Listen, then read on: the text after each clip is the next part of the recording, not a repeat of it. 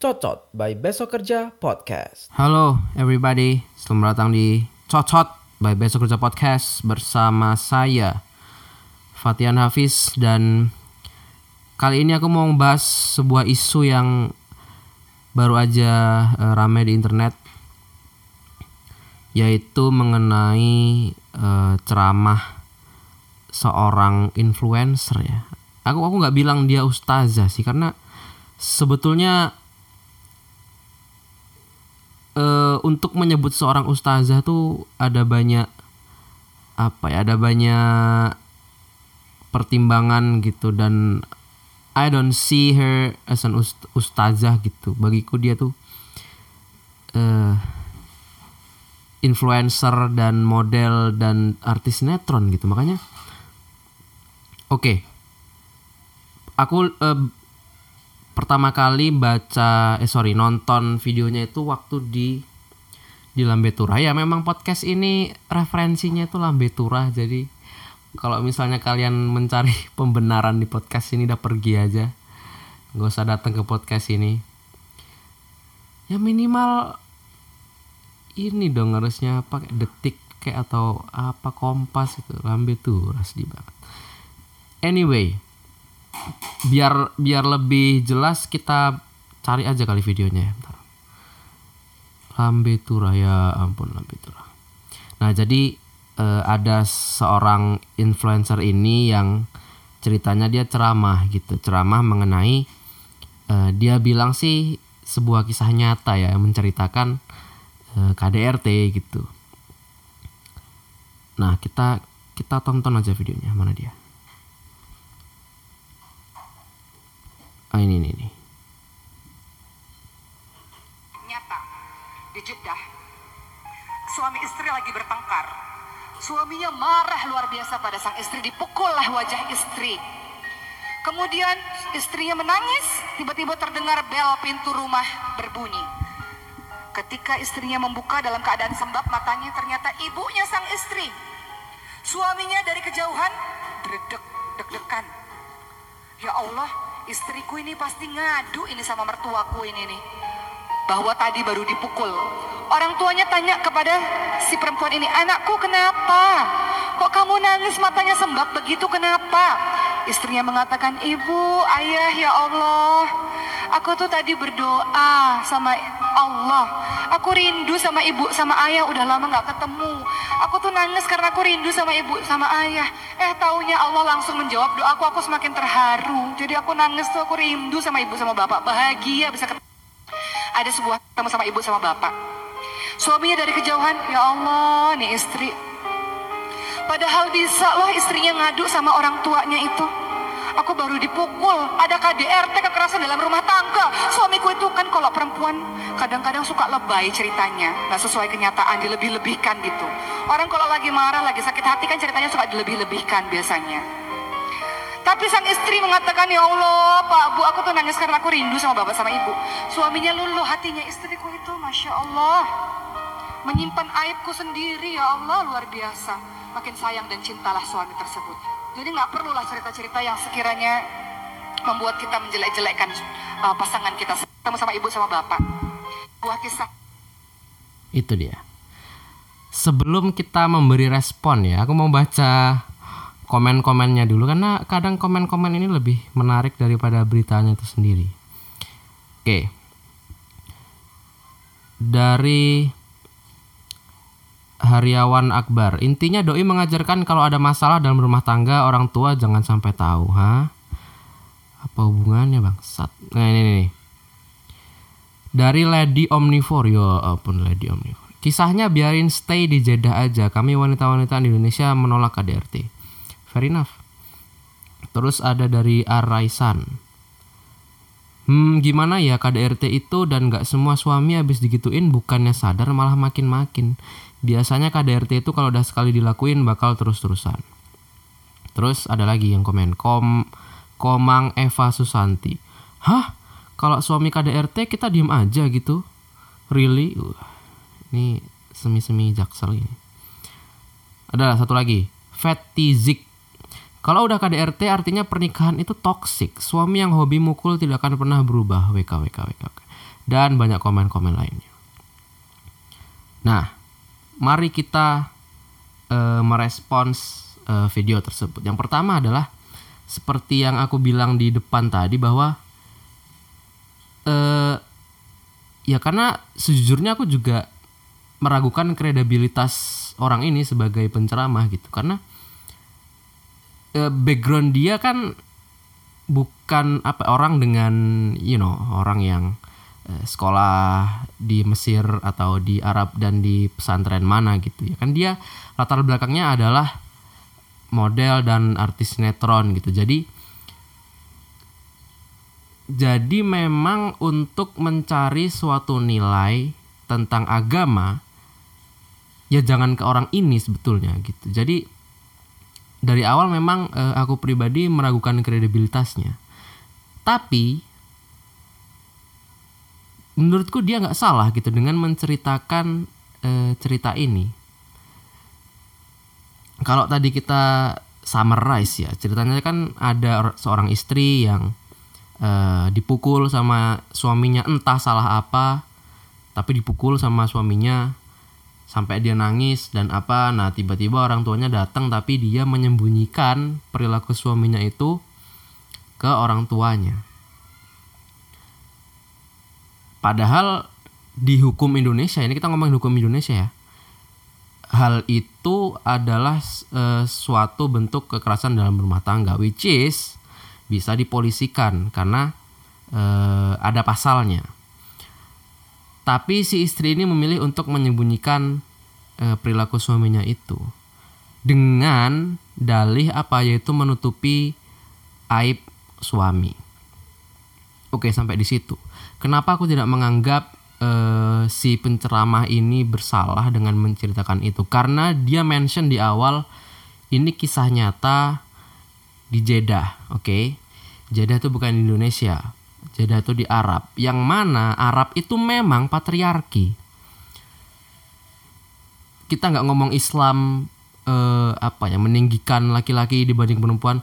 No, dia dari awal tidak memberikan intention apa pun. Dia nggak bilang ibu-ibu contohlah wanita ini. No, dia cerita bahwa ini kisah nyata di Jeddah. Padahal iya itu sama halnya kayak dia cerita di eh, di Korea Utara orang ditembak-tembakin gitu. Ya karena memang ceritanya kayak gitu gitu, bukan eh bukan dia eh, apa ya menuntun ibu-ibu di situ buat mengikutinya enggak. Dia simply bilang bahwa ini kisah nyata di Jeddah. Yang jadi masalah adalah akar dari eh sorry eh, buah dari eh, viralnya video ini adalah banyak orang-orang yang menganggap bahwa Islamlah yang patriarki. Oke. Karena secara tidak langsung dengan eh, mengajarkan bahwa oh ya ibu-ibu itu harus eh, apa istri-istri harus menutupi aib suami even itu kekerasan. Berarti kan jangan-jangan bagi orang tertentu ya kan menganggap jangan-jangan Islam tuh eh, mengajarkan saking patuhnya sama suami, even suami melakukan kekerasan pun istri itu harus nurut aja. Sebelum kita ke situ, mari kita membahas tentang eh, patriarki. Apa itu patriarki? Dan apa hubungannya dengan eh, Islam? Oke. Ini agak-agak sok pinter dikit tapi silahkan eh, dicari sumber yang lebih kredibel di mana pun itu ya. Tapi eh, menurut banyak referensi yang ku baca itu kayak gini ceritanya. Jadi patriarki itu kan sebenarnya adalah suatu pemahaman atau ideologi lebih tepatnya. Ideologi yang menempatkan laki-laki kaum laki-laki itu lebih tinggi daripada kaum perempuan karena dianggap laki-laki itu lebih strong, lebih powerful dan bisa istilahnya bisa eh, mensupervise eh, perempuan. Dan sebetulnya munculnya ideologi patriarki itu tidak lepas dari eh, perkembangan peradaban manusia. Jadi kalau kita ngomongin sejarahnya, kenapa patriarki itu bisa muncul? Itu tuh ya sebetulnya berawal dari manusia purba ya zaman dulu ketika eh, manusia purba masih eh, berburu dan meramu.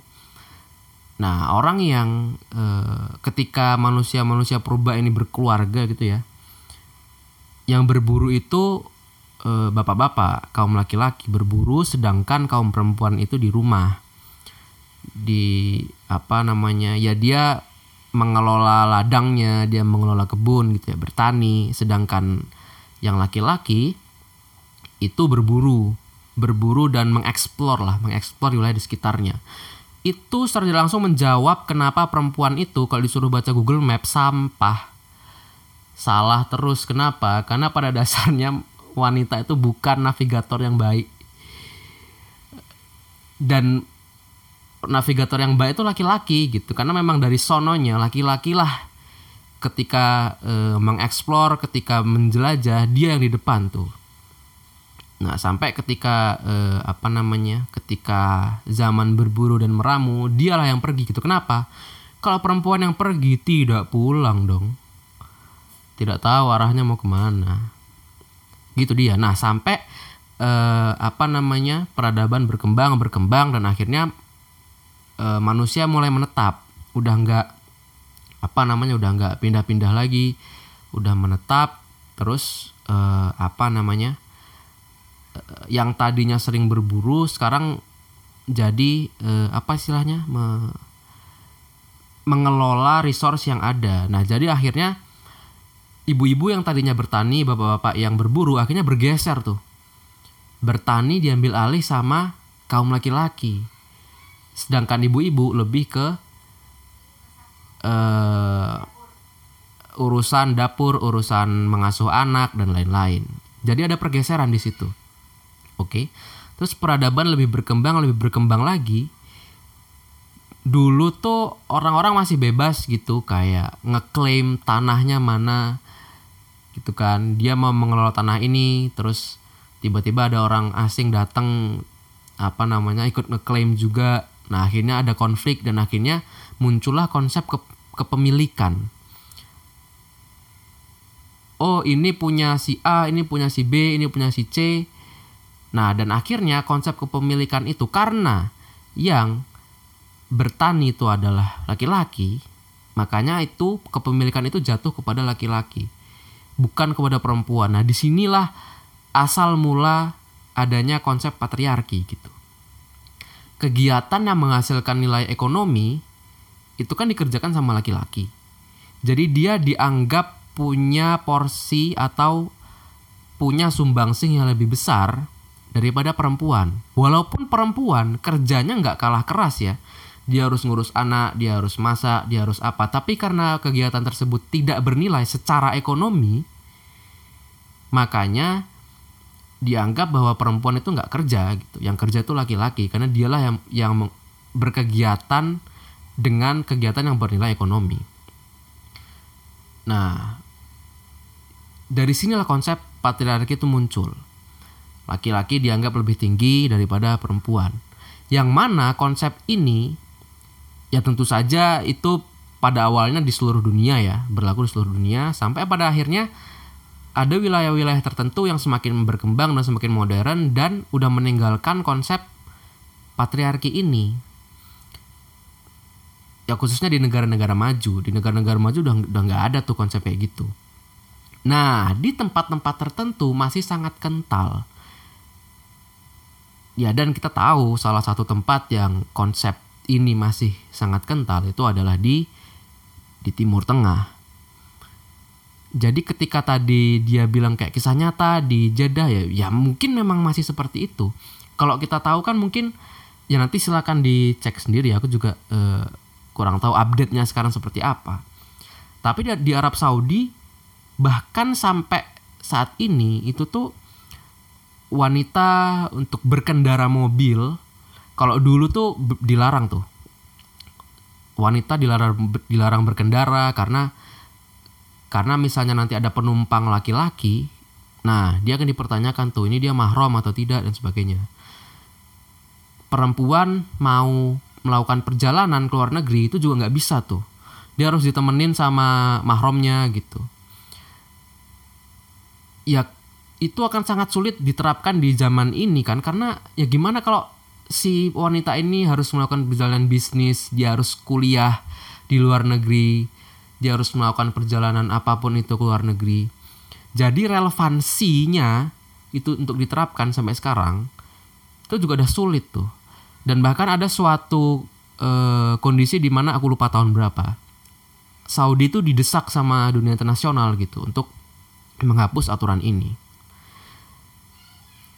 Nah, ngomongin patriarki, jangankan sekarang ya. Ya dulu kalau misalnya kita belajar kisah nabi-nabi ya, ada masa kan di mana kalau kita masih inget ya cerita-cerita zaman dulu, ada masa di mana eh, kalau ada apa namanya bayi perempuan itu dibunuh, terus hanya dipertahankan bayi laki-laki,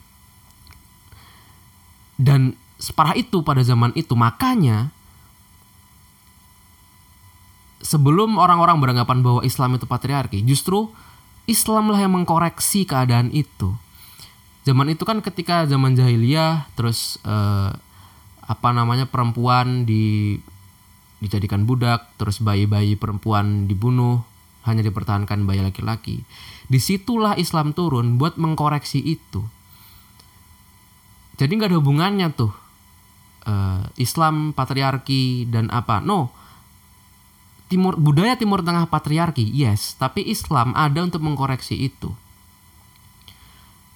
sebelum eh, apa namanya konsep gender equality itu apa namanya mewabah ya pada zaman sekarang gitu. Islam zaman dulu itu udah udah memperkenalkan konsep itu gitu bahwa nggak bisa tuh eh, apa namanya laki-laki eh, dianggap lebih tinggi dari perempuan. No mungkin iya laki-laki itu eh, di diposisikan sebagai pemimpin keluarga tapi pemimpin kan belum tentu dia punya nilai lebih. Pemimpin itu harus harus ada yang ngisi aja gitu.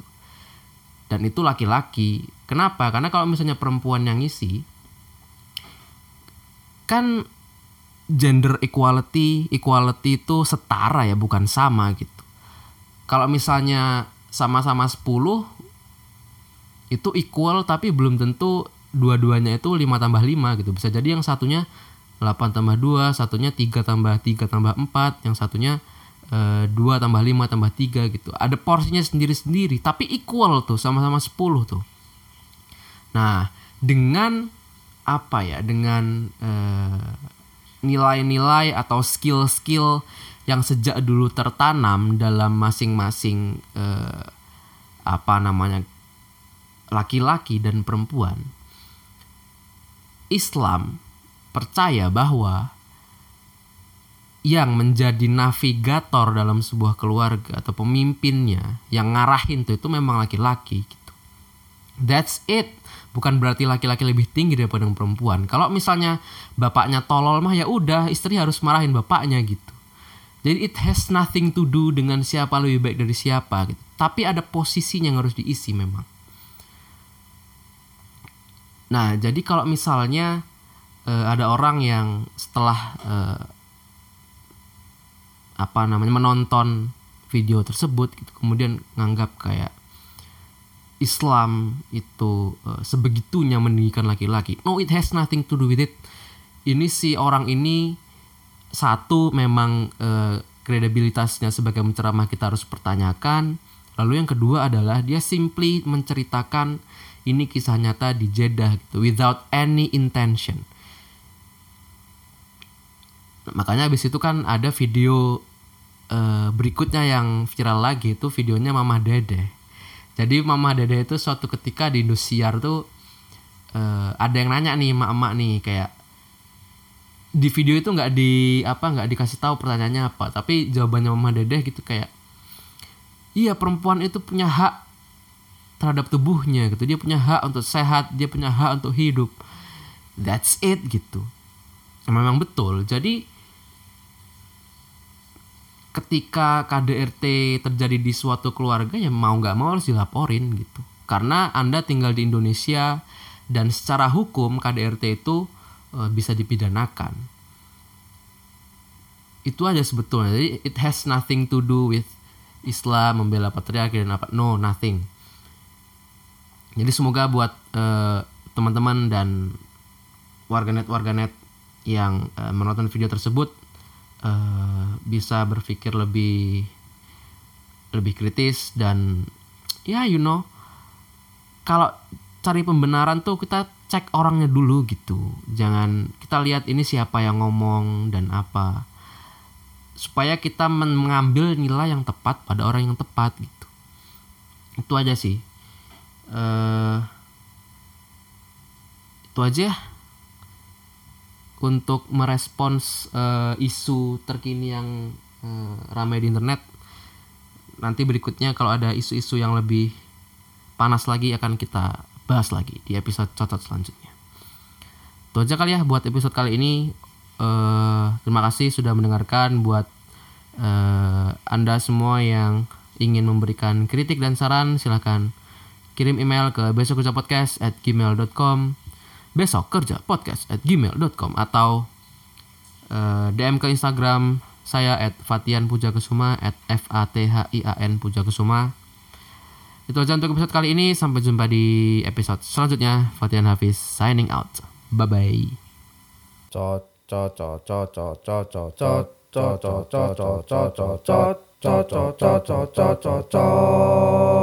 cocot by besok kerja podcast